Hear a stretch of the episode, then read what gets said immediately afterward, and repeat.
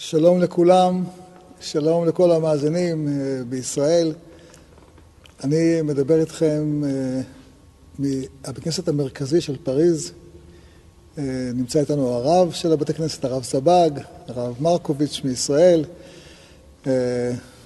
המקום הזה הוא מקום מאוד מיוחד, זה בית כנסת המרכזי כאן. לא יודע אם אתם יכולים לראות פה את הגובה העצום של הבית כנסת, היופי המיוחד שלו. אה, זה פשוט לא יאומן לראות את ה... אה, כל היופי. אה, אם הצלם יכול להראות את היופי של בית כנסת, זה יהיה מאוד יפה. וזה פשוט מדהים לראות את המקום הזה. רק שכל היופי הזה זה עדיין חלק מגלות, לצערנו. אנחנו נמצאים פה במקום שזה לא, זה לא ארץ ישראל, יותר מזה, כמו שאתם שמים לב, ארון הקודש פה שאנחנו אה, נמצא מאחרינו, לא מכוון לירושלים, וזה היה חלק מניסיון של, אה, אומרים של נפוליאון, כדי שהיהודים אה, ישכחו את ירושלים ויתערו פה בתוך, בתוך המקום הזה.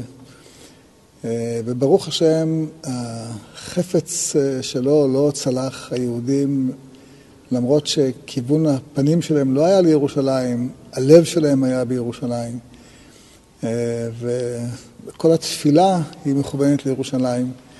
אספר לכם שאני בדרך לכאן אה, עברתי תשובה מאוד מעניינת שכתב אה, בעל שו"ת משנה הלכות, חלק י"ג, תשובה ראשונה, תשובה מרתקת מאוד, לא אקרא לכם את כולה כי היא ארוכה, אבל תכלית התפילה, התשובה שלו היא להסביר שכל התפילה, כל התפילה, זאת אומרת, מי, הוא מתחיל מתיקון חצות, היא מופנית לכיוון אה, כך שעם ישראל צריך לעזוב את הגלות ולעלות לארץ ישראל, אה, לבנות את ירושלים, אה, של עם ישראל היא לא בשום מקום אחר עלי אדמות, היא רק בארץ ישראל.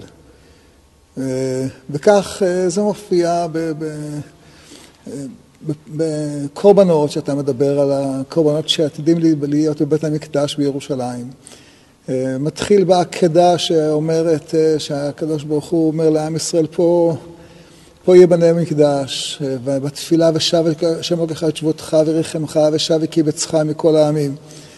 אנחנו אומרים פעמיים יהי רצון שבנה בית המקדש, ואחר כך בהודו להשם קראו בשמו, דירשו השם ועוזו, מתפעלים על בית המקדש, ואל נקמות השם, מזמור שיר חנוכה. השם מלך, אה, הושיענו השם אלוקינו וקבצנו מן הגויים, להודות לשם קודשך, להשתבח בתהילתך. וככה כל פסוקי דזמרה וכל קריאת שמע, ובוודאי תפילת שמונה עשרה, שתקע בשופר גדול לחירותנו, בני ירושלים עיר הקודש, מלכות בית דוד, ירצה השם, מחזיר שכנתו לציון, וככה גם שיר של יום. הוא פשוט עושה שם סקירה ארוכה ואומר, אתה רואה שכל התפילות, כולן מכוונות לקיבוץ גלויות, לבניין ירושלים, כי בסופו של דבר, השם מלך, השם מלך, השם ימלוך עולם ועד, זה יהיה בירושלים. הדבר הזה יקרה בבית המקדש בירושלים. השם ימלוך השם לעולם, איפה? אלוהיך ציון לדור ודור הללויה, ועוד נדבר על הפסוק הזה. הדברים האלה מאוד חשובים, מכיוון שזה לא פשוט. אה, אנחנו, אנחנו נמצאים פה, אנחנו נמצאים בבית כנסת אה, מאוד משמעותי. סיפר לי הרב סבג, הרב של בית כנסת, אה, שבבית כנסת הזה התחתן הרצל. במקום הזה, כאן היה הברון רוטשילד, וכאן היה הברון הירש. שני אה, עשירי עולם שחיו לפני אה, כ-130 שנה. וכאן במקום הזה הם אה, פועלים, כל אחד בדרכו. הברון הירש, יהודי דתי, מתפלל את כל התפילה שהזכרתי מקודם, והוא מאמין שאין עתיד, אין עתיד ליהודי אירופה. הוא רואה את האנטישמיות הגדולה שקורית פה, בין השאר במשפט דרייפוס שקרה באותם ימים, אבל לא רק, יש פרעות ברוסיה, יש פרעות בגרמניה, יש אנטישמיות חבויה שעדיין לא התפרצה בשואה 30 שנה יותר מאוחר, 40 שנה יותר מאוחר. אבל, אבל יש אנטישמיות, והוא רואה אותה, והוא פיקח, והוא חכם, הברון הירש, והוא מבין שצריך להוציא את היהודים מרוסיה ומאירופה, והוא משקיע מיליארדים, מיליארדים. אז היה לירות סטרלינג, זה היה המטבע העובר לסוחר, כדי להעביר את היהודים אה, לדרום אמריקה ולצפון אמריקה. ופונה אליו הרצל ואומר לו, אתה אדם דתי, אתה מתפלל כל יום שלוש פעמים, אתה מתפלל בבית כנסת הזה. אתה לא מבין שהישועה של עם ישראל היא בארץ ישראל? והוא דוחה אותו בזלזול, הוא גביר, עשיר, מיליארדר. אומר, אתה, האדם החילוני, תסביר לי מה הישועה של עם ישראל? ממש כך. אה, ואחר כך בא לפה הרב של בית הכנסת, קוראים לו הרב צדוק כהן. הוא היה הרב של, אה, של פריז, אחר כך הרב של צרפת. הוא מפגיש את הרצל עם רוטשילד. רוטשילד כבר השקיע בארץ ישראל. כבר נטעו כרמים בארץ ישראל. כבר משקיע. הוא אומר לו, הרצל, אני רוצה לדבר איתך. הוא עשיר עולם, עשיר עולם מספר שתיים, מתפלל פה באותו בית כנסת, הראו לי את מקום מושבו. והשיר השני אומר לו, תשמע, אנחנו נוטעים כרמים, מה, מה רע? מצוין. אמר לו, לא, צריך להשפיע על מלכי האומות. הוא אומר לו, זה, זה יזיק. זה יזיק. בוא, עוד דונם ועוד עז. הוא אומר לו, הרצל, זה לא מספיק. צריכים שמלכי האומות ייתנו לנו את ארץ ישראל. אה, זה גם לא, לא, לא, לא מצליח בידו. ואז הוא בעצמו פונה לקיסר של גרמניה ולצאר של אה, רוסיה, אז עדיין היה צאר, ופונה למלכי אנגליה ופונה למלכי צרפת ופונה לכל מי שידו משגת. אה, והעם מבין שהוא מבטא את רוח האומה. מדהים איך דווקא אדם שלא כל כך קשור לתורה ומצוות, הוא זה שמבטא את רוח רומא. צריך להבין, זה לא בדיוק לא קשור, הוא התחתן פה בבית כנסת הזה, אה, והיה מתפלל פה מדי פעם, יש אפילו בכתבים שלו שהוא מתאר איך שכשנפשו נסערת, אה, הוא כותב איזה מחזה, שהמשמעות שלו שאין ליהודים מה לעשות בגלות. הוא כולו נסער, הוא מגיע למקום הזה והוא מנסה למצוא ניחומים בין כותלי המקום הזה. ככה גם הוא כותב שכשהוא היה בבאזל, הוא היה בבית הכנסת אה, בשבת שלפני הקונגרס הציוני הראשון.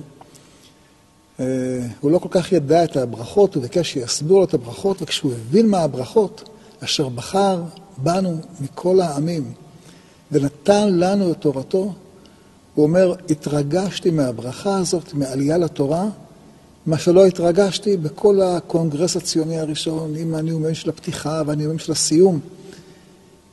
הוא, הוא באמת הבין את, אולי הוא לא הבין את מילות התפילה,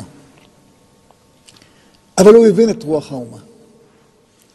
הרבה יותר טוב מאנשים אחרים, שאולי כן הבינו, הבינו את מילות התפילה, אבל uh, לא הבינו את uh, רצון השם. וזה ממש... Uh, מוזר, כואב אפילו, אמ, אבל אה, ככה זה היה. זה דבר, אה, פלא גדול. אנחנו נמצאים במקום שזה קרה, במקום הזה שזה קרה, ולצערנו עד היום אה, יש כאן, בצרפת, שאנחנו מדברים ממנה, חצי מיליון יהודים, ששני שליש מהם מתחנכים במוסדות לא יהודיים בכלל. רק שליש במוסדות יהודיים. חלק מהשליש שמתחנכים במוסדות יהודיים, הם uh, uh, מתפללים, לא כל כך מבינים את מה הם מתפללים, הם קוראים את מילות התפילה, הנשמה שלהם מתפללת, אבל הם לא כל כך מבינים את מה שהם אומרים. והתוצאה היא שיש פה למעלה מ-60 אחוז התבוללות, שזה פשוט כאב לב, זה פשוט קריאה, קריאה. אני רוצה לומר משהו לקהל שמאזין לי בישראל. פגשתי, פגשתי גם היום, פגשתי אה, כבר כמה וכמה פעמים, כמה וכמה אנשים כאן בצרפת. אנשים שעלו לישראל ולא נקלטו. לא נקלטו כי לא היה מי שיעזור להם להיקלט. לא היה מי שהאיר להם פנים, לא היה מי שהדריך אותם בעבודה, לא היה מי שהדריך אותם בבית הספר. אני אומר את זה, זה האחריות שלנו. אנחנו אלה שצריכים להיות שותפים במצוות קיבוץ גלויות. נולדנו בישראל. נו, אז מה? אז אתה פטור? אנחנו כבר פטורים ממצוות עלייה? אנחנו לא פטורים. אני אומר לכם, יש פה אלפים שעלו לישראל וירדו כי אנחנו לא קיבלנו אותם כמו שצריך. לא הארנו להם פנים, לא מצאו מקום עבודה. זה לא פשוט להגר, לעלות לארץ ישראל. כתוב. רש"י הראשון בפרשת לך לך אומר, שכשהקדוש ברוך הוא אומר לאברהם, לך לך מארצך, ממולדתך, מבית אביך, לארץ אשר אראך, ואברכך, וגדל השמך, ויהיה ברכה, לפי שהדרך ממעטת את הבנים, ממעטת את הממון, ממעטת את השם. מה פירוש ממעטת את השם? לא מכירים אותו, שם הכירו אותו, פה לא מכירים אותו. יש פה אדם, יכול להיות נשיא הקהילה, כולם מכבדים אותו, מגיע לארץ ישראל, יושב בפינת בית כנסת, אפילו לא מכירים אותו לעלות פעם בשנה. לא מאחל לאף אחד ניסיון כזה. אומר הקדוש ברוך הוא לאברהם, זה מה שיקרה לך. הוא באמת מגיע לארץ ויש רעב בארץ. ולוקחים את אשתו, ויש לו צרות פה בארץ ישראל. ארץ ישראל נקנית בייסורים, כך אומר רבי שמעון בר יוחאי, כך קורה לאברהם אבינו. אבל הוא מאמין. הוא מאמין. ולמרות שבימיו נבנית סדום, סדום ועמורה נבנית, נבנית, כל ערי הכיכר נבנים בימיו של אברהם אבינו. אף על פי כן אברהם לא מתייאש, מאמין והאמין בהשם ויחשבו לו לצדקה, ובסוף מתקיימת, מתקיימות בו הברכות העצומות, ואברהם כבד מאוד במקנה, בכסף, בזהב. בסוף אה, נשיא אלוקים אתה בתוכנו. אה, וזה לא הסוף, זה הסוף אולי בימיו של אברהם אבינו, אבל זה לא הסוף. זה הניסיונות שהתנסה בהם אברהם, עשר ניסיונות, ניסיונות התנסה אברהם אבינו. וכולם הוא עמד. אה, וגם אנחנו צריכים לדעת שמעשה אבות סימן לבנים, כל מי שעולה לארץ ישראל עובר ניסיונות לא פשוטים, ועליו אנחנו חייבים לעזור להם לעבור את הניסיונות. אני אומר לכם את זה בכאב גדול, כי כל פעם שאני פוגש מישהו שאומר לי, עליתי לארץ ישראל, ניסיתי להגיע לארץ ישראל, לא עלה בידי להתיישב בארץ ישראל, אנחנו פשוט נקרעים מצער ומכאב. פשוט נצ... איך יכול להיות? איך, איך יכול להיות שלא קיבלנו אותם? אה, אני אומר את הדברים אה, לנו, אני אומר את זה אה, כדי שאנחנו צריכים, לעשות כל מה שביכולתנו, לעזור להם להיקלט. וגם לומר, עוד נקודה יש, אנשים אומרים, וכנראה במידה רבה של צדק, שיש איזו ירידה רוחנית כאשר אנשים עוזבים פה את הקהילה ומגיעים לארץ ישראל ומגיעים למקום שבו הם יורדים ירידה רוחנית, וזו באמת שאלה קשה, לא פשוטה בכלל. אמ, אנחנו יודעים מהגמרא שזה מה שקורה. הגמרא אומרת שבעקבתא דמשיחא חוצפה יסגה, בן קם באביו, בת קמה באימה, כלה, בילד, כלה בחמותה. יש נפילה רוחנית. והנפילה הרוחנית הזאת קורית כנראה לכל מי שמגיע לארץ ישראל, גם נפילה רוחנית, גם נפילה כלכלית. זה קורה. זה קורה כי יש לזה סיבה, כותב אה, רבי מנחם מנדל מוויטפס, שזה בחינת לידה, אדם נולד מחדש. כמו רבי זרע, שכשהוא עולה לארץ ישראל, הוא צם מאה תעניות כדי לשכוח את כל התורה שהוא למד בבבל. רבי זרע, אחד מגדולי האמוראים. הוא מבין שהוא צריך להיוולד מחדש עם תורת ארץ ישראל. הוא שוכח את הכל, והוא לומד הכל מחדש בחינת תורת ארץ ישראל. אז הוא מסביר, אה, רבי נחם מדל מוויטפס, שגם הוא עלה לארץ ישראל במסירות נפש. אה, מתלמידי, תלמידיו של הבעל שם טוב, עולה עם 300 אה, חסידים, עלייה ענקית, אולי הגדולה ביותר שהייתה בימים ההם, והם סובלים ייסורים לא פשוטים. והוא אומר, אנחנו צריכים להיוולד פה מחדש, אז אנחנו צריכים לאבד את הכל ולרכוש את כל המדרגות הרוחניות מחדש. שנאמר, ולציון יאמר איש ואיש יולד בה. נולדים מחדש. עיבור מחדש, לידה מחדש, קטנות מחדש, מאוד מזכיר את מה שקרה לבעל שם טוב, שכשהוא בדרכו לארץ ישראל מאבד את כל המוחין שלו, כאילו הוא שוכח את כל התורה. בעל שם טוב, גאון עולם, צדיק עולם, הכל נשכח ממנו. אה, הוא לא ממשיך, כי הוא מבין שיש לו עוד קהילה גדולה להחזיק. גם הגול מווילנה קורא לו, קורות לו תקלות קשות בדרך לארץ ישראל, וגם לא ממשיך וחוזר לליטא. אה, נכדו של הבעל שם טוב, רב נחמן מברסלב, עולה לארץ ישראל, וגם הוא מאבד את כל המדרגות הרוחניות שלו בדרך. גם הוא מאבד את כל המדרגות, ואף על פי כן הוא ממשיך. ומגיע לארץ ישראל ואומר, כל התורה שיש לי זה מתורת ארץ ישראל. הוא מבין שאחרי שמאבדים את המדרגות, קונים מדרגות חדשות הרבה יותר גדולות ממה שהיה בהתחלה. אבל החלק הזה של העיבוד, ה... עיבוד הכוחות, עיבוד המדרגות, גם הכלכליות וגם הרוחניות וגם, כמו שקרה לאברהם. עיבוד המדרגות האלה הוא לא קטע קל, וחובתנו אנחנו לעזור בקטע הזה. חובתנו, חובתנו. אנחנו חייבים, חייבים. לא קל פה בפריז. אני אומר לכם, לא קל פה, מלא ערבים יש פה, מלא ערבים. והם לא כמו בישראל, הם אלימים, פשוט אלימים. שתבינו, בכנסת הזה שאנחנו נכנסנו אליו, יש לו דלתות זכוכית בעובי כזה, כמו שאתה נכנס לא למטכ"ל. וזה כל בית כנסת פה. הנה פה במרכז התרבות החדש שנבנה פה בפריז, מרכז תרבות יהודי, מרכז אירופה לתרבות יהודית. אתה נכנס לשם, אתה מרגיש שנכנס למבצר. לא במקרה, לא במקרה השקיעו כל כך הרבה כסף בשביל זה, פשוט. יש פה אלימות אנטישמית של ערבים, אמ, שהם פוגעים ביהודים. אני פעם אה, זוכר איזה יהודי מצפת, אה, ירד לצרפת וחזר אחרי כמה שנים. שאלתי אותו, למה ירדת? הוא אומר, אה, מסוכן פה. ולמה חזרת? הוא אומר, הגעתי לפריז, ופה בפריז התנפל עליי ערבי עם סכין, כמעט שחט אותי. מזל, הסכין כמעט נגעה בעורק ולא נגעה. לקחו אותי לבית חולים, אמרתי נו, והלכת למשטרה? אמר לי, לא, מה המשטרה תעשה? מה היא תעשה? גם המשטרה פה לא משהו. ממש לפני השיעור, עשר דקות לפני השיעור, פגשתי את הבן של גברת חלימי, השם ייקום דמה, שערבי זרק אותה מהמרפסת והרג אותה. ובית המשפט בצרפת אה, זיכה אותו. מצא איזה סעיף וזיכה, רוצח ארור.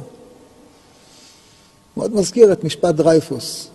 אז נכון, זה לא, לא אותם ימים, ברוך השם, העולם קצת התקדם מאז, אבל זה נורא. אז אומר ליהודים, מה אני אלך אומר ליהודים מצפת, שחזר, שכמעט נשחט פה. וכאן, כאן, במקומות האלה יש, אתה רואה איך היהודים חיים פה בפחד, ולמה הם לא עולים? אבל אשמים אנחנו. אנחנו צריכים לדעת, ניסן נגאלו, ניסן עתידים להיגאל, אלוקים לא ישאיר בגלות את הבנים שלו. מי שהעלה לארץ ישראל את חצי העם, עתיד גם להעלות את החצי השני של העם. החצי הזה צריך לעלות.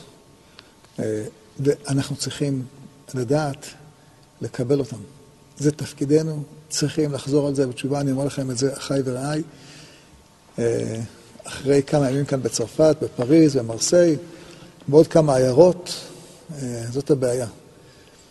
צריכים מערכות חינוך שיעזרו להם להיקלט בארץ, צריכים, צריכים לעזור להם. בוא נאמר, הם הרבה יותר חשובים מהגויים האוקראינים שבורחים מאוקראינה. הם האחים שלנו, בני אברהם, יצחק ויעקב, חובה, חובה, חובה, חובה לטפל בהם. אמ, זה לא נושא השיעור, אבל אני מספר לכם את זה כי אנחנו פה, פה נמצאים. ו... הנושא שאני רוצה לדבר איתכם עליו זה על יציאת מצרים.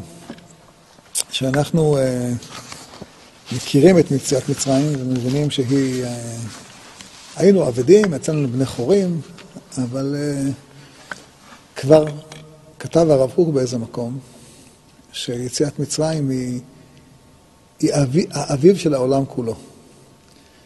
ואני זוכר שכשלמדתי את זה פעם ראשונה לא כל כך הבנתי, אבל כשאני פה בצרפת, אז אני רוצה לומר לכם שפה יותר קל להבין איך זה קרה. אני רוצה מעט, אתם יודעים, פה הייתה המהפכה הצרפתית. מה הייתה המהפכה הצרפתית? היא מאוד משמעותית. אה, זה היה בערך לפני 220 שנה, קצת יותר, 223 שנים. אה, היה פה שלטון של כנסייה ואצולה והמלך והמלכה, שהם חיו חיי פאר, חיי פאר משוגעים.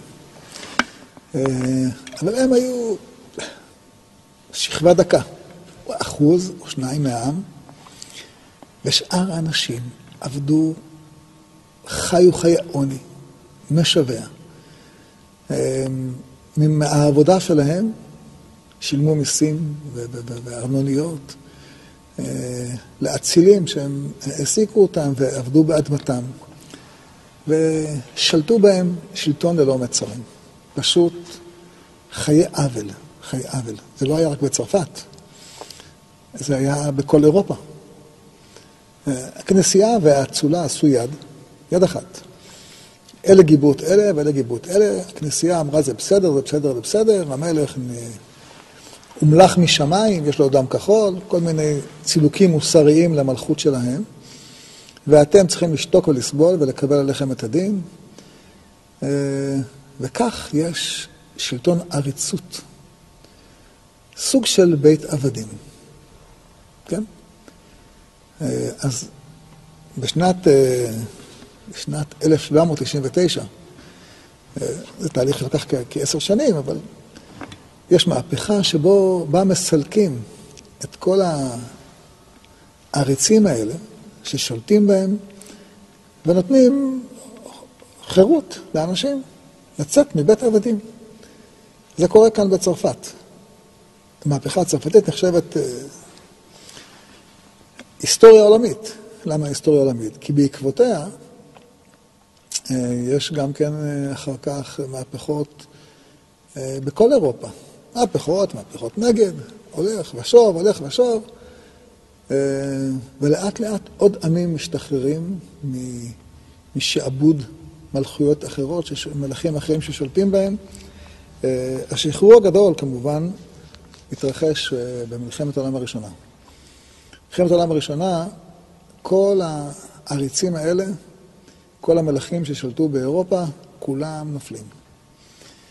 אה, אותו שלטון עריצים של, של, של טורקיה, שהייתה אימפריה עות'מאנית ענקית, גם הוא מתרסק. טורקיה ששלטה ב... עריצות, גם בארץ ישראל, גם בארצות רבות אחרות. אה, לקחה מיסים, שעבדה את האנשים, לקחה מיסים מטורפים. כל כך הרבה מיסים היו פה, שפשוט אנשים ברחו. אחת הסיבות ההיסטוריות לכך שארץ ישראל הייתה שממה כל ימי הטורקים, כי האנשים שעבדו בקרקעות בימי, הטור... בימי הטורקים פשוט ברחו מרוב עומס של מיסים.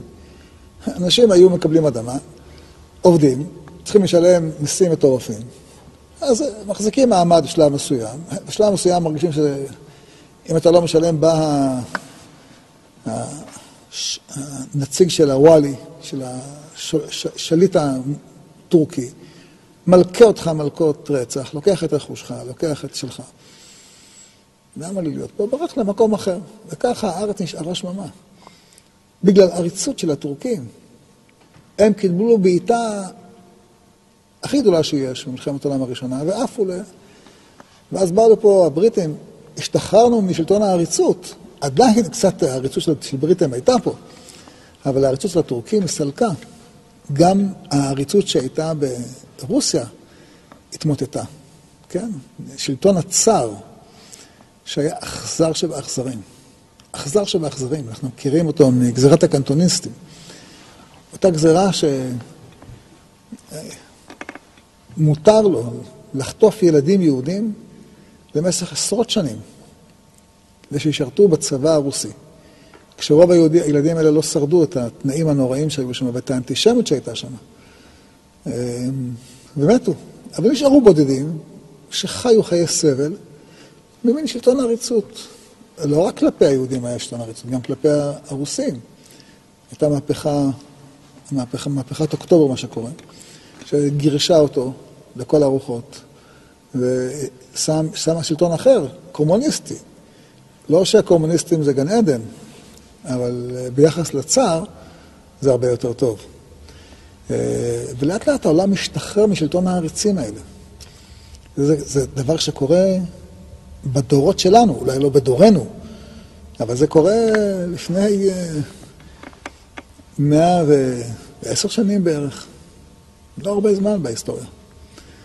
לפני מאה ועשר שנים, עד לפני מאה ועשר שנים, רוב העולם היה תחת שלטון של בית עבדים. המקום הראשון שהשתחרר, אמרנו, זה הצרפת, אבל זה לא המקום הראשון. חשוב להדגיש את זה, כי עשר שנים לפני כן, אה, יש שחרור של אה, מקום אחר. אה, יש את השחרור באמריקה. באמריקה הם הראשונים למעשה. האמריקאים הם הראשונים, עשר שנים קודם, משתחררים מה, מהשעבוד שהשתעבדה בהם אנגליה. כן? האנגלים השתעבדו בהם, לקחו מהם מכס, נכון שזה לא היה ממש שעבוד. רוב אלה שהקימו את המחשבות באמריקה, היו אנשים שברחו מהדיקטטורה שהייתה באנגליה. אה, מה זה ניו יורק? יורק זה עיירה, עיירה הבריטית, שאלה שברחו, ברחו, ל... ברחו אל מעבר לים, ובנו מדינה חדשה, שאני, עיר חדשה שנקראת ניו יורק, עיר חד... ניו יורק החדשה, כן? וכן ניו אינגלנד, וכן על זה הדרך. הם הקימו וכשהם הקימו, הם אמרו, אנחנו מקימים מדינה שבה אין שלטון עריצות. והאבות המייסדים של אמריקה, כן, שהקדימו את המהפכה הצרפתית, באו ואמרו, אנחנו נלך בדרכם של העברים. אנחנו נלך ונלמד מהם, מהתרבות שלהם אנחנו נלמד.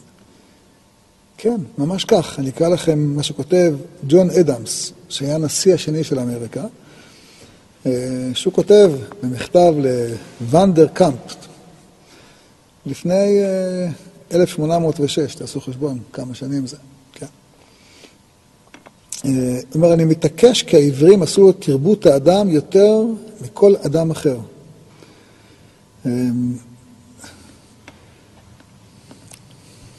אני אקרא לכם, זה ארוך.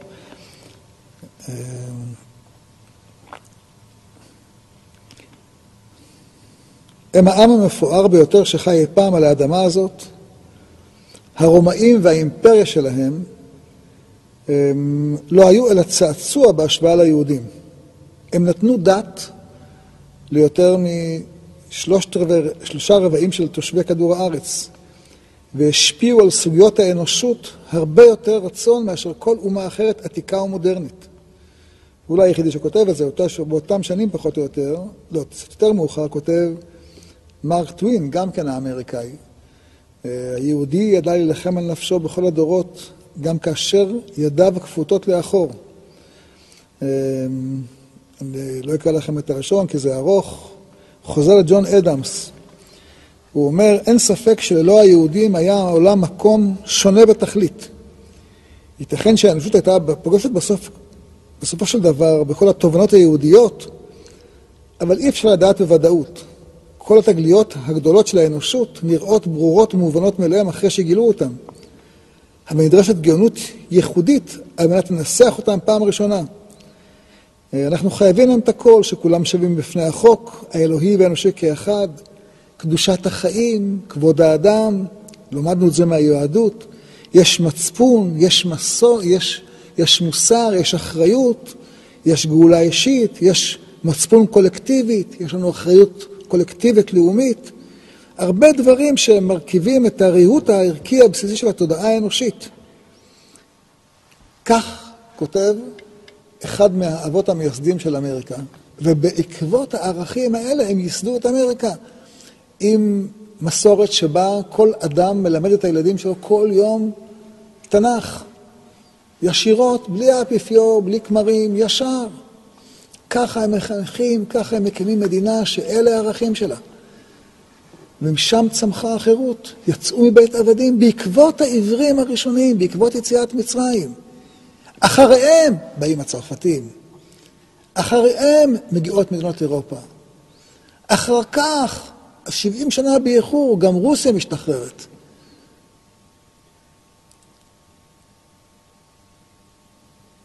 יציאת מצרים היא באמת תהליך של שחרור.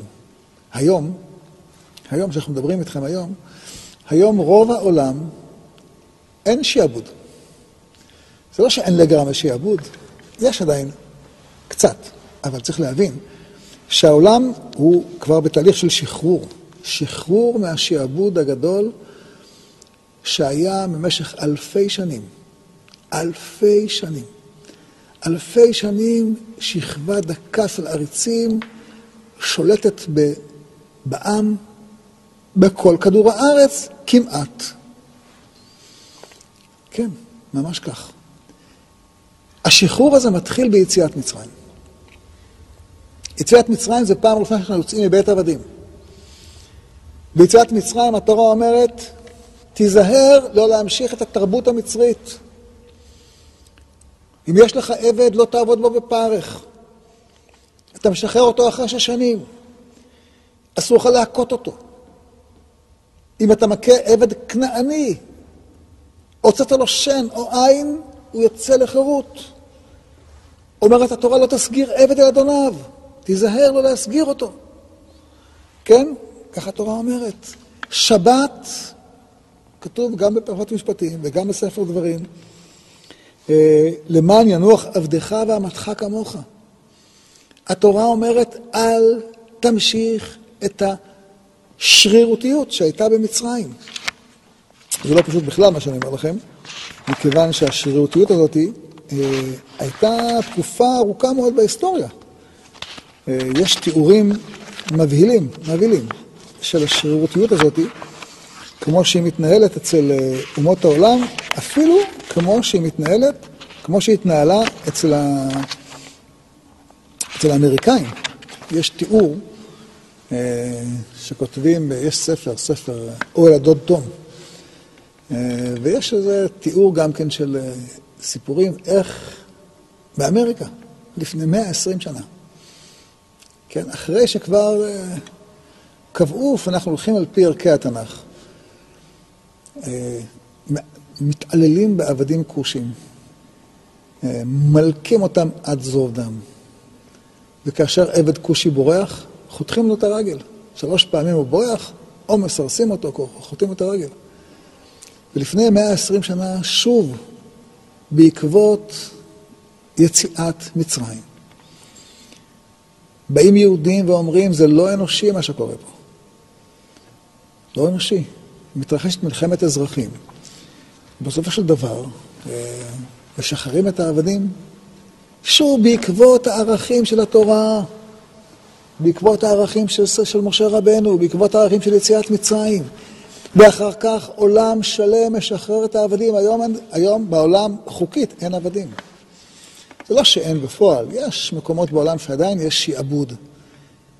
אבל נושאי הדגל של החירות, של השיעבוד, של היציאה משיעבוד, היו עם ישראל.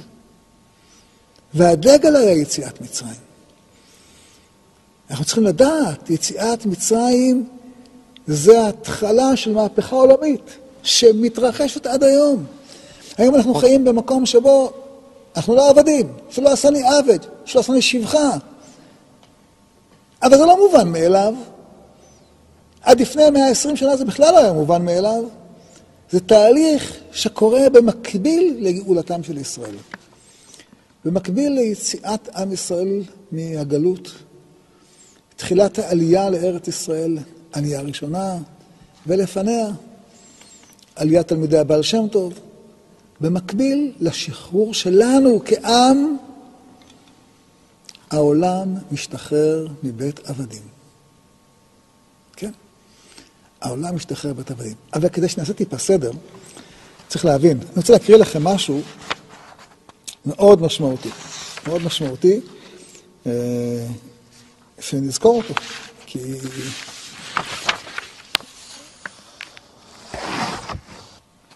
היה להיטלר עוזר, קראו לו הרמן בראונשוויג, כך היה שמו, הרמן בראונשוויג, הוא היה העוזר של היטלר.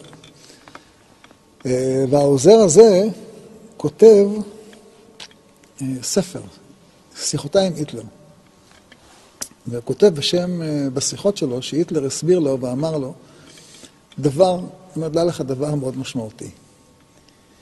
יש מאבק ביני לבין היהודים. עיקר העיקרים זה מאבק ביני לבינם. כל שאר המעמים שמסביב הם, הם תפאורה. הצרפתים, האנגלים, הרוסים, הפולנים, הכל תפאורה. המאבק, המאבק הוא ביני לבינם. ובאמת המאבק הוא בין היהדות לבין הגרמניות, כמו שאני תופס אותה. הוא הסביר לו בצורה שאנחנו חייבים לזכור אותה, כי היא יסוד הכל. היא יסוד הכל. הוא אומר לו, יש, האלוהים שלי זה אלוהי הטבע, והאלוהים שלהם זה אלוהי המוסר. האלוהים שלי, מה זה אלוהי הטבע? הוא אומר, בטבע, החזק טורף את החלש, וככה העולם מתקדם, כמו שאמר דרווין. ולכן, בטבע אין רחמים, יש טרף. חזק טורף את החלש. זה מה שצריך להיות. עמים חזקים צריכים לטרוף את העמים החלשים. ככה העולם מתקדם. כל החסד, הרחמים, המשפט, משפט צדק, זה הכל המצאות של היהודים, צריך למחוק אותם. למחוק אותם מהתרבות האנושית. אין, זה הכל שקר. אני מאמין בחזק טורף. זו לא הייתה רק אמונה באוויר, ככה הוא התנהג. הוא טרף ורימה ושיקר ועונה, ולא היה אכפת לו. מה זה לא היה אכפת לו? זה האלוהים שלו. אלוהים של חיות הטרף. הוא קרא לזה אלוהי הטבע. הוא אומר, זה התרבות שלי. באמת, זו הייתה התרבות של פרעה. זו התרבות של פרעה. אתה יכול לנצל, תנצל. אתה רוצה להתרחץ, תתרחץ בדם של ילדים. תשים אותם בתוך אבן בקיר. אתה החזק, אתה הטורף, אתה הפלט, אין רחמים, אין כלום. זה היה התרבות שלו. זה התרבות שלו. זו הייתה התרבות של רומא. רומא, באכזריות מטורפת. צולבים את כל היהודים שהם יכולים לתפוס. לא היה עץ בגליל, אומר יוספוס פלביוס, שלא היה עליו יהודי צלוב. יהודי צלוב זה הכי אכזר. הוא יומיים שלושה מתענה בייסורים, מרוסק איברים עד שהוא פורחת נשמתו. אבל זה האכזריות של חיה טורפת, יותר גרוע מחיה טורפת. זה אלוהים שלהם. היה להם אלוהי הגנבים, אלוהי הרוצחים, אלוהי האנסים. יש, יש להם אלוהים שמתיר להם. זה היה האלוהים של נבוכדנצר, זה היה האלוהים של יוון, זה היה האלוהים של היטלר. זה האלוהים של כל הגנבים, כל הרוצחים, כל האנסים.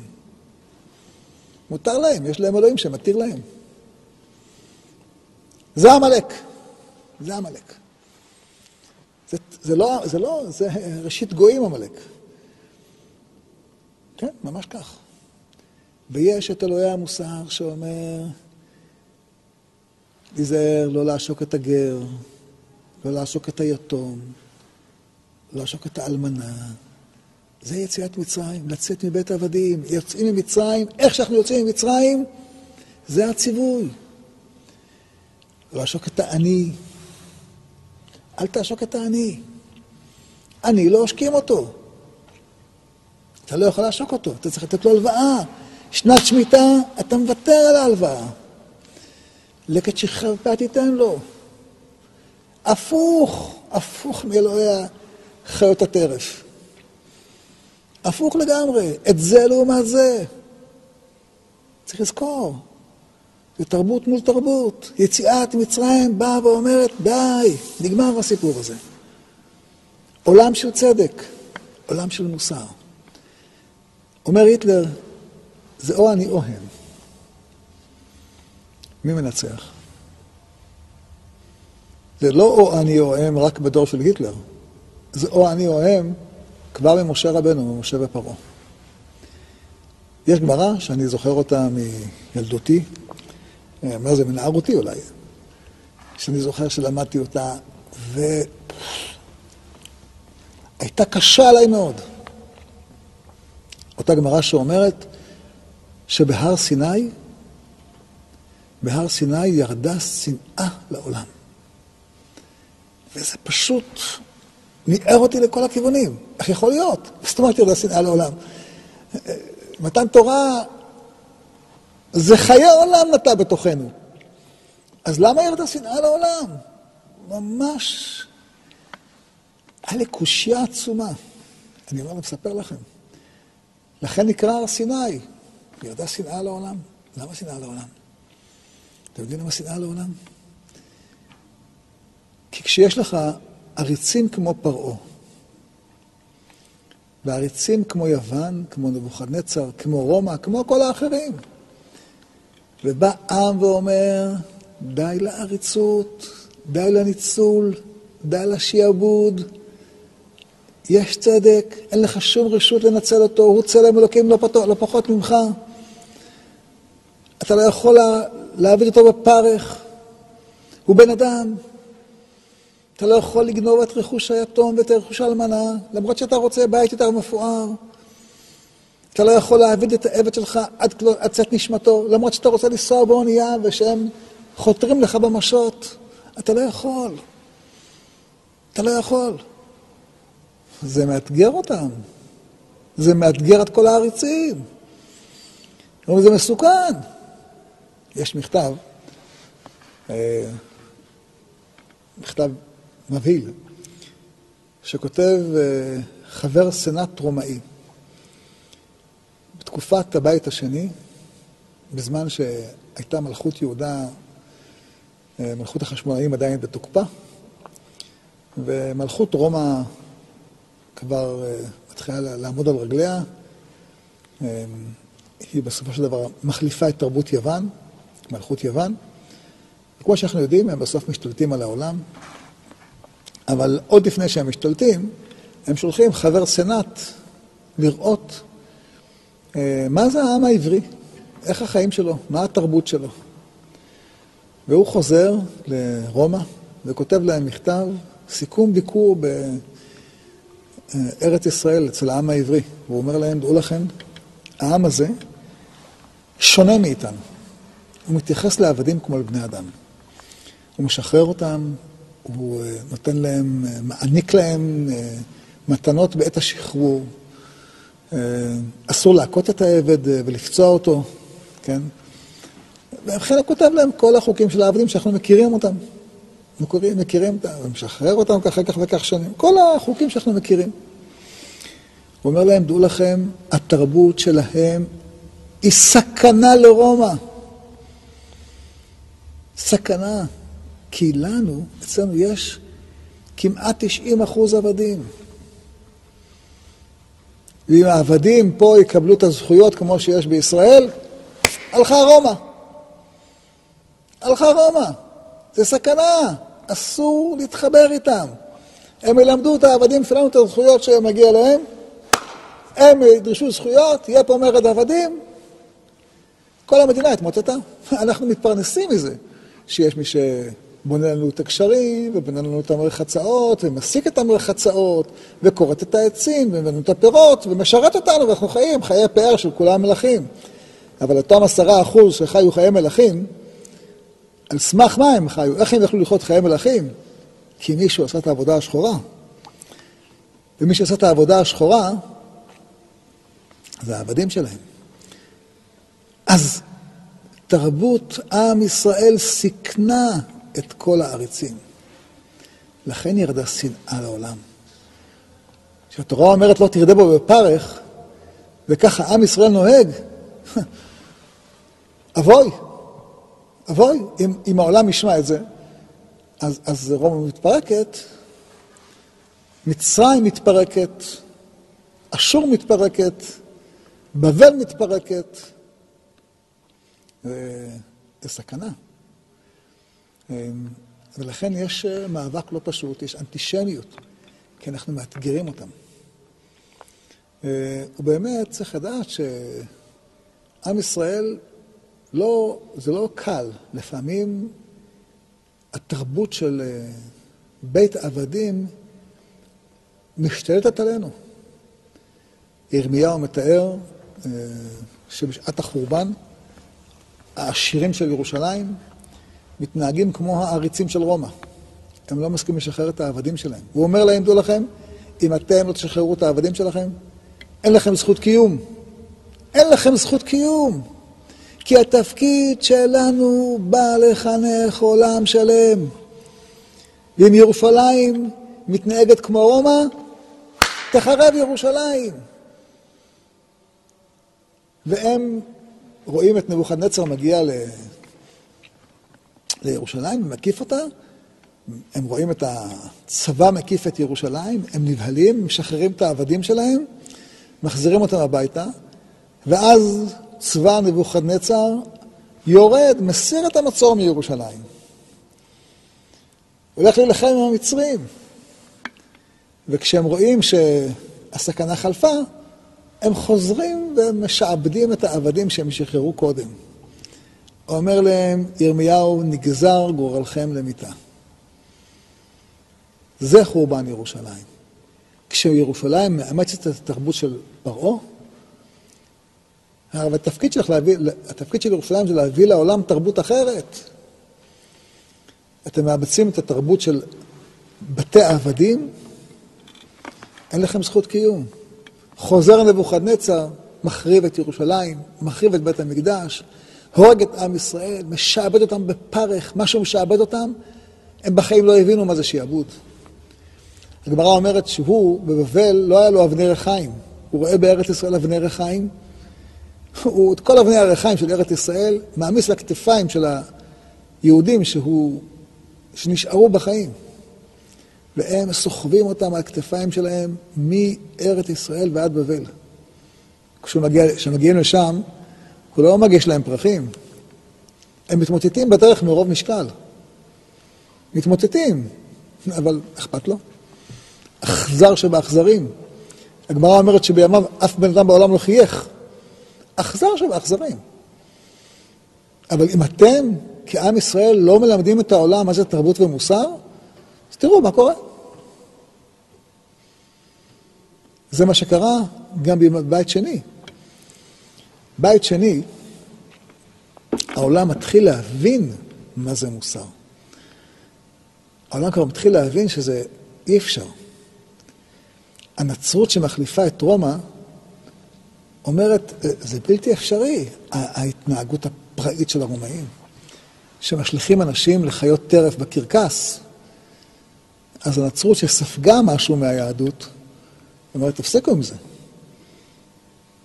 אז מפסיקים. מפסיקים להשליך אנשים לקרקס כדי שחיות טרף יטרפו אותם, כן? כדי לשעשע את ההמון. אבל עדיין הנצרות מאפשרת לשעבד עבדים. הפך מה שהתורה אומרת. התורה אומרת, אם העבד בורח, אל תסגיר עבד לאדוניו. אבל uh, בברית החדשה של הנוצרים מופיע איך uh, שאול מחזיר uh, עבד שברח לאדון שלו.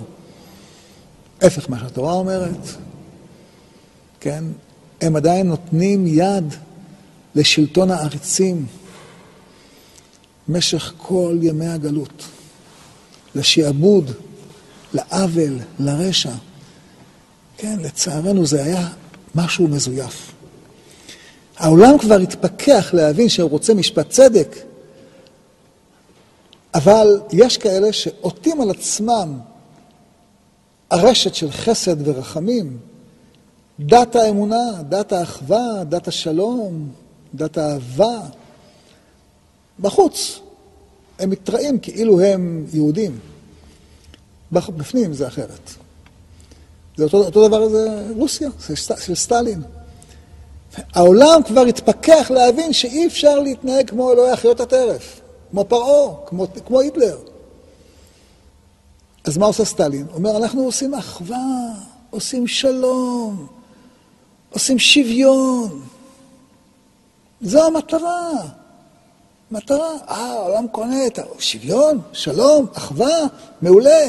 זה מתאים למשה רבנו. בפועל, זה היה הפוך. אבל אנחנו כבר, ברוך השם, עברנו את סטלין, ועברנו את uh, כל מלכויות הרשע שהשתמשו בשם של משה והתנהגו כמו פרעה. היום העולם עבר ממלכויות רשע למלכויות של בית, ממלכויות של בית עבדים למלכות של שחרור. תראו מה זה. איך משה מנצח את פרעה. איך אלוהי ישראל מנצח את אלוהי הטבע של אה, היטלר. עולם שלם, חוץ מכמה מדינות של מטורפים, עולם שלם מבין, אי אפשר להתנהג כמו בית עבדים. משה מנצח. אלוהי ישראל מנצח. לא לגמרי. יש עדיין אה, כמה מטורפים, דיקטטורה, אבל כמה דיקטטורות יש בעולם? כמה בתי עבדים יש בעולם? יש לנו בצפון קוריאה, קימל ג'ונג, משעבד את העם שלו. יש לנו את האיראנים, משעבדים את העם שלהם. יש, להם את ה, יש לנו את מדינות ערב, חלק מהם לכל הפחות משעבדים את העמים שלהם. ונצואלה, יש שם שעבוד, מנצלים. אבל ברוב העולם זה כבר לא כך. וגם אלה שהיו פעם כאלה, רוסיה הקומוניסטית, כבר לא אותו דבר. נכון, עדיין יש שם דיקטטורה מסוימת, אבל זה כבר לא אותו דבר. זו לא אותה עריצות כמו שהייתה בזמן סטלין וממשיכיו. זו לא אותה עריצות כמו שהייתה בזמן הצאר וממשיך, וממשיכיו. העולם לאט לאט משתחרר משלטון בית עבדים, משלטון העריצים. אתם מתבוננים? אתם רואים? איך העולם זז? מפליא, נכון? זהו. יציאת מצרים היא תחילתו של תהליך, היא תחילה של מהפכה עולמית. אנחנו לא, לא סיימנו. אנחנו עוד בדרך. אנחנו עוד רואים עמים שמנסים להשתלט על העולם, גם הם, בכסות של צדק ואמונה, כל האייתולות האלה באיראן, משתמשים ב... אנחנו רוצים שהעולם יתמלא אמונה. כן? אנחנו רואים עכשיו את פוטין, מנסה לכבוש עמים, כובש אפילו. משתלט בסוג של עריצות. גם הוא מתרץ את עצמו במילים יפות.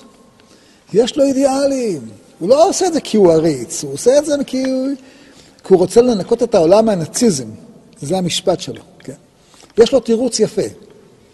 גם לרומאים היה תירוץ יפה. גם לאימפריאליסטים האנגלים והצרפתים היה תירוץ יפה. אנחנו משתלטים על העולם בשביל להביא לעולם קדמה. תירוצים יש. השאלה מה האמת? מה האמת?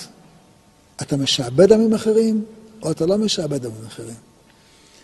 יציאת מצרים זה יציאה משעבוד. והיום העולם אומר, אנחנו לא מסכימים שבעולם הזה ישררו חוקים של חיות טרף. תזכרו את זה, זה חשוב. נכון, יש עדיין בעולם רוצחים שמוכנים לרצוח בן אדם כדי שיהיה לך יותר נוח. יש גנבים. זה עדיין, זה אלוהי חיות הטרף. יש אנסים, יש גנבים, יש עושקים, יש בעולם, זה עדיין יש. כן? אבל היום אנשים, אנשים כאלה תופסים אותם, מכניסים אותם לכלא. העולם בהכרזה שלו אומר, לא יהיה שעבוד, לא תהיה רמיסה, לא תהיה דריסה. אחד לא ידרוס את השני. אחד לא יעשוק את השני. אחד לא יגנוב את השני. לא יהיה. זה הדגל של העולם. זה הדגל של משה. וזה לא בא בקלות. אבל זה קורה. אשרינו, שאנחנו חלק מהעם הזה. אשרינו, שאנחנו תלמידיו של משה רבנו, ולא תלמידיו של בלעם הרשע. אשרינו. אשרינו אנחנו צריכים להבין שהתהליך לא נגמר. עדיין יש רוע בעולם. והגאולה העתידה זה, לא יראו ולא ישחיתו בכל הר קודשי. מלאה הארץ דעה את השם כמים להם מכסים. זה, זה התיקון העולמי. לא יישא גוי אל גוי חרב, ולא ימדוד מלחמה, ושפט בין גויים, והוכיח לימים רבים, וכיתתו חרבותם לעתים, וחניתותם למזמרות. זה, זה, זה הסיום של יציאת מצרים. זה הסיום של השעבוד העולמי. זה הסיום. לכן אנחנו חייבים להיות כולנו חלק מיציאת מצרים. כי זה תהליך שמתחיל אז ומסתיים בימות המשיח. זה התהליך, ואנחנו חיים בתוכו. איזה זכות. אנחנו רואים איך הוא מתבצע, איזה זכות. איזה זכות, איזה פלא.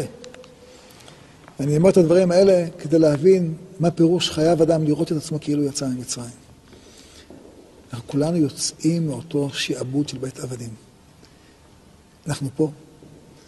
אני מדבר איתכם מצרפת, מפריז. אנחנו בעזרת השם יתברך אה, נחזור לארץ ישראל, נחגוג את ליל הסדר ב... בצפת עיר הקודש, כל אחד במקומו. אנחנו צריכים לדעת שאנחנו חייבים לתרום את חלקנו לתהליך הגאולה הזה. לתהליך שבו אנחנו וכל העולם כולו בעקבותינו יוצא מהשעבוד הזה. אנחנו רואים איך הדברים קורים. ואני רוצה לומר לכם עוד איזה משפט מאוד משמעותי. אתם יודעים, חלק מיציאת מצרים זה מתן תורה. ומתן תורה זה שאנחנו מקבלים אל תוכנו לא רק את החוק של אה, גר יתום ואלמנה, ועבד, ועני וכולי, אלא את החוכמה האלוקית. אה, זוכים לחוכמה האלוקית, שנותן חוכמה לבצלאל, כל אלה שבנו את המשכן, זוכים לרכוש את החוכמה האלוקית. במקביל לתהליך שבו העולם משתחרר מבית עבדים, מהשעבוד, בשביל כל הפרעונים למיניהם, הפזורים על כל, שהיו פזורים על כל פני תבל, במקביל לשחרור הזה, העולם זוכה לפתיחת שערי חוכמה. כמו שאנחנו זכינו לפתיחת שערי חוכמה. בעקבות היציאה מבית עבדים, כך גם העולם זוכה לפתיחת שערי חוכמה, במקביל אה, ליציאה מבית עבדים. כן, ממש כך. אם תשימו לב, תראו איך העולם יותר מפתח, מתפתח, בחוכמה, בהבנה, בהבנת העולם. אנחנו, מה זה, מה קורה לנו? אנחנו קולטים ב, בתוכנו את החוכמה האלוקית. אותה חוכמה שאלוקים שם בעץ, שם בפרח, שם בתא הגוף, שם בלב, שם בראש, שם במוח, שם בגלי הקול ובגלי החשמל ובאלקטרוני ובכל דבר שבמציאות. אלוקים שם את החוכמה בתוך המציאות. זו חוכמה שלו שטבועה במציאות, אנחנו קולטים אותה. מבינים אותה. אתה חונן לאדם דעת. כל זה קורה במקביל ליציאה של העולם מבית עבדים. ממש כמו שקרה לנו. זכינו לקבל את התורה כשיצאנו מבית עבדים, וקיבלנו על עצמנו לא לשעבד את האחרים. אז זכינו לקבל את חוכמת, חוכמת החוכמה האלוקית. גם לעולם זה קורה. במקביל ליציאה מהשם, בתהליך שתיארתי לכם. כל צד שבו העולם יוצא משעבוד, מעריצות, ממנהג פרעה, ממנהג היטלר, ככל שהוא יוצא מהתהליך הזה, כך הוא זוכה יותר ויותר שתשרה חוכמה אלוקית בקרבו, להבין את החוכמה האלוקית, וככה לא מתפתח.